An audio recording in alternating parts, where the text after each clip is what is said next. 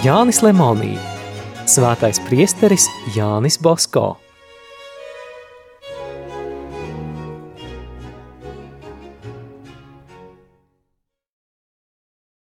Vēl priecādamies par valdības piešķirto pabalstu, priesteris Bosko uzzināja sāpīgu jaunumu. Kad lielajā piekdienā Turīnā atgriezās arhibīskaps Fransonī, viņš tika ļoti naidīgi sagaidīts. Lieldienu rītā, izejot no katedrāles, viņam tūlīt bija jākāpj slēgtā pajūgā un karavīru pavadībā jābrauc uz savu pili. Sektantu sakūdīts, Pūlis kliedza un prasīja, lai arhibīskaps atstāja Turīnu, bet priestera Bosko jaunieši arī šajā dienā drīkstēja pavadīt savu iemīļoto bīskapu. Cīņa pret baznīcu kļuva atklāta, kad parlaments iznīcināja līdz šim atzītās baznīcas tiesības. Vakaros uzpirktie klaidoņi un ievestie bēgļi klīda pa ielām, lamādami priesterus, bet pēc tam visi baros sastājās ap arhibīskapa pili un mežonīgi kliedza: Nost ar arhibīskapu, nost ar kanoniķiem, nost ar pāvesta nunciju! Kādu vakaru demonstranti tā iekarsa, ka daži piedzērušies daudzoņas, izsita arhibīskapa pilī logus un, uzlauzuši dzelzs svārtus, ielauzās pilī. Tomēr arhibīskaps par to neuztraucās ne tajā vakarā, ne arī vēlāk. Laikam jau nākošajā rītā pēc šīs asās demonstrācijas viņš iesniedza publicēšanai gana rakstu priesteriem, kurā sīki un skaidri norādīja uz jauno likumu netaisnīgumu un ieteica, kā priesteriem ir jāizturas šajās vajāšanās. Šo rakstu policija izskatīja un izsauca arhibīskapu uz civilo tiesu. Arhibīskaps atteicās nākt, teikdams, ka lūkšot pāvestam atļauju, Ja tāda tiks izsniegta, tad viņš ieradīšoties tiesā. Tomēr tiesneši atbalstīja jaunos likumus un piesprieda bīskapam mēnesi ieslodzījumā un lika samaksāt 500 liru. 4. maijā arhibīskapu aizveda uz Turīnas cietumu. Ticīgie straumēm plūda apmeklēt un iepriecināt savu mīļo un drosmīgo bīskapu. Pirmais viņu apmeklēja priesteris Bosko ar saviem zēniem. Pēc dažām dienām vienīgais katoļu dienas laikraksts Armonija aicināja visus katoļus savākt ziedojumu, lai dāvinātu cienījamam cietumniekam skaistu zelta pastorālu. Ziedotāju sarakstā pirmais bija priesteris Jānis Bosko – piecas liras. 2. jūnijā arhibīskapu atbrīvoja, bet ne uz ilgu laiku. Atgriezdamies no cietuma, viņš pats jokoja – Citreiz nebrauksim uz cietumu, bet uz Finestrellī, Francijas pierobežu. Tā tas arī notika.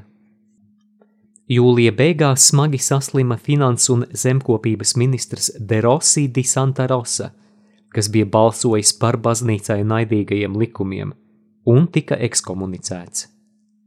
Servītu baznīcas prāvests, kad to aicināja slimniekam sniegt slimnieku sakramentu prasīja, lai ministrs atklāti atsauktu savu rīcību.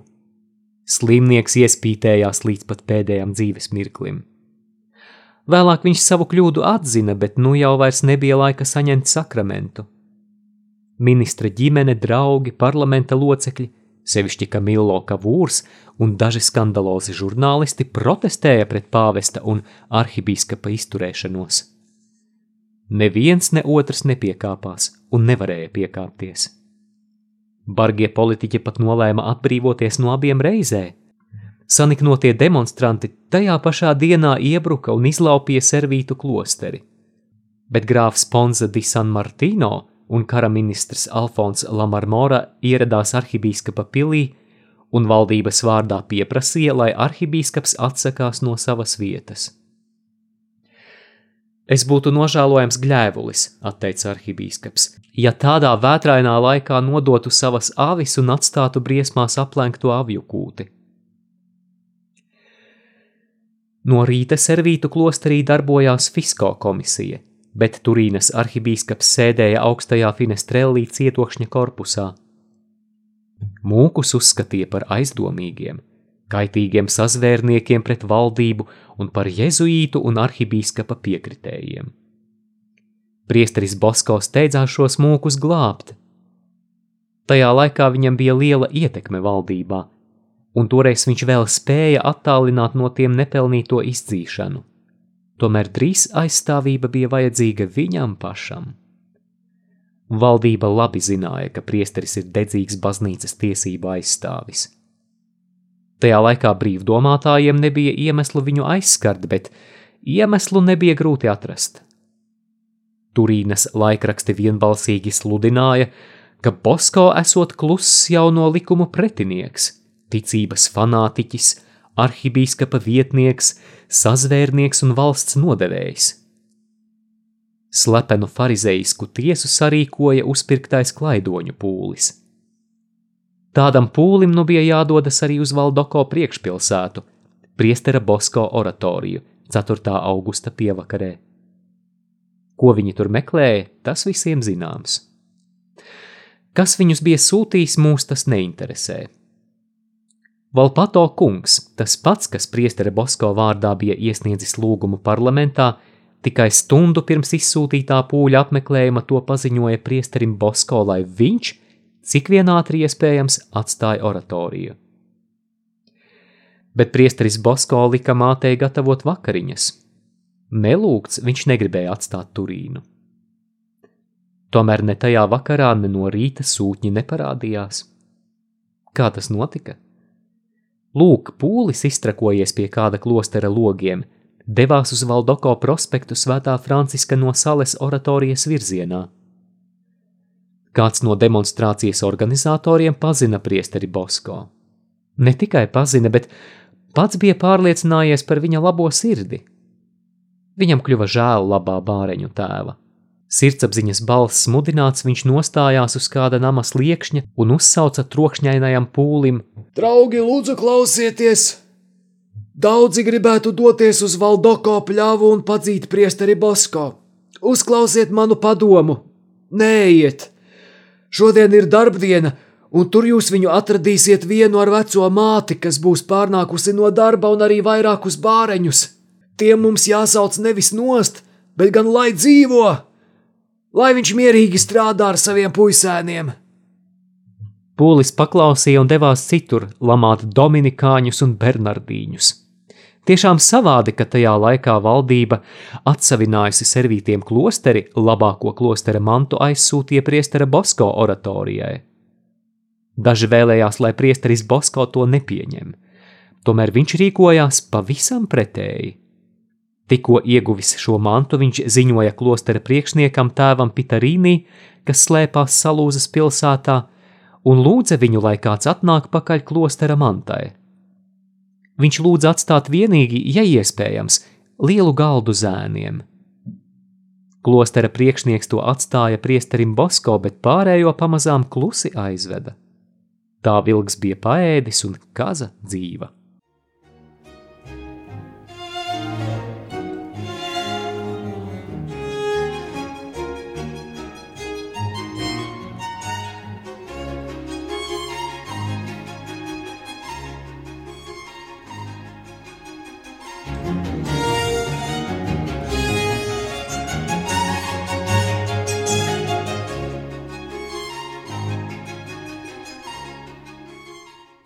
Kamilo Kavūrs joprojām bija uzticīgs priestera Bosko draugs. Viņš pats šat tad apciemoja priesteri, bet vēl biežāk uzaicināja viņu pie sevis vakariņās.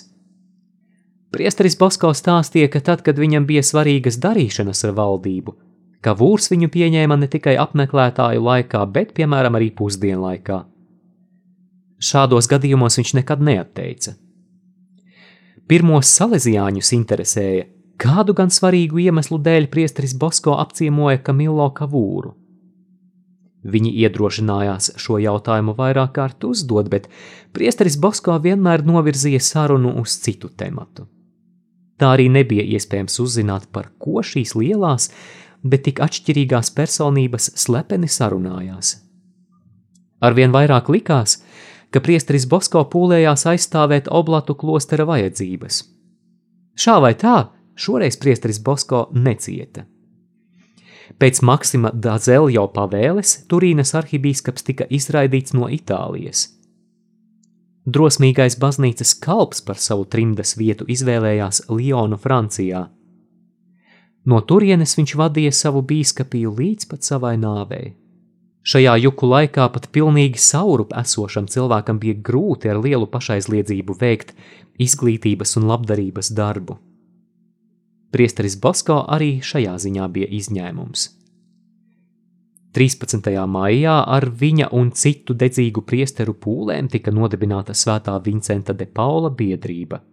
Tā pieņēma šāda paša nosaukuma un Zamo dibinātās biedrības statūtus un bija tās visiespaidīgākā aizstāve.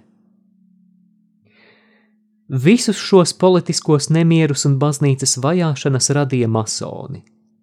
Sagrābuši valdības varu savās rokās, tie sāka izplatīt spēcīgu antireliģisko propagandu visos sabiedrības slāņos, bet sevišķi jaunatnes vidū. Vissekmīgāk strādāja biedrības. Tās bija dažne dažādas. Jauniešus sevišķi varēja piesaistīt strādnieku biedrība. No šīs puses briesmas draudēja arī oratorijai.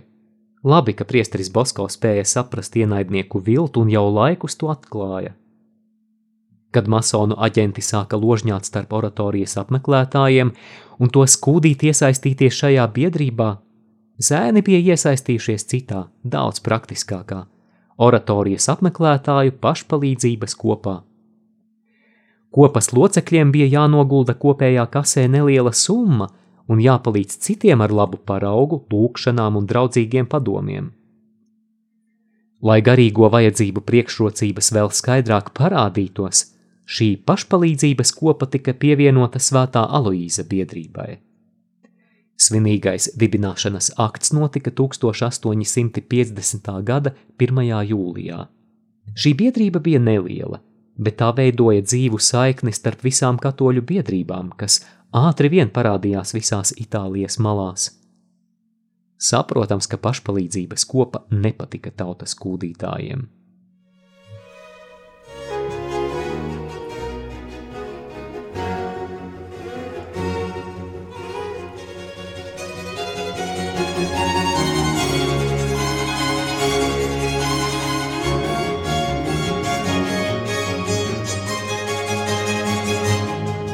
Jāzeps Brozijo raksta, ka reiz kāds no aģentiem viņam devis 600 liru, lai viņš pats atstāja oratoriju un aizvilina no tās aktīvākos apmeklētājus. Labais jauneklis nikni atgrūda bezgoža piedāvāto kukuli. Baznīcas pretiniekiem dusmojoties, priesteris Bosko audzināja savos zēnos mīlestību pret pāvestu. 1849. gadā pirmo reizi tika pasludināts tā saucamais Pētera grasis. Oratorijas jaunieši saziedoja 33 liras un kopā ar sirsnīgu vēstuli aizsūtīja tās pāvestam Pijam devītajam, kas slēpās gaetā. Saņēmis no bērniem nelielo ziedojumu, Pīs devītais pašrocīgi uzrakstīja priesterim Bosko ļoti sirsnīgu vēstuli, un reizē ar to viņam nosūtīja vairākus simtus svētītu rožu kroņu. Trimdinieks rādīja Valdoko bērnu ziedojumu visiem saviem ievērojamākajiem viesiem un stāstīja, ka vajāšanu laikam pienākot jauniešu lūkšanas un atcerēšanās par viņu esot lielākais mierinājums. Pāvesta dāvanas bērniem dalīja 2. jūlijā. Valdoko sapulcējās visu triju oratoriju apmeklētāji. Baznīca bija izgraznota. Pēc svētības ar visvēto sakramentu Visi zēni pēc kārtas gāja saņemt dārgo dāvanu no kanoniķa Otaldo rokām. Pie devītā atsūtīto rožu kroņu nebūtu pieticis. Gribot, negribot, daži bija jāiegādājas Turīnā, jo citādi daudz zēnu būtu palikuši neapmierināti. Jūlija mēneša pirmajās dienās priesteris Bosko ar lielākajiem oratorijas apmeklētājiem sarīkoja interesantu ekskursiju. Viņi devās uz Džavano pilsētiņu, pa ceļam apstādamies un atpūstamies. Kur viņi atpūtās, tur izdarīja garīgos vingrinājumus. Jaunieši atgriezās mājās atspirguši, miesīgi un garīgi.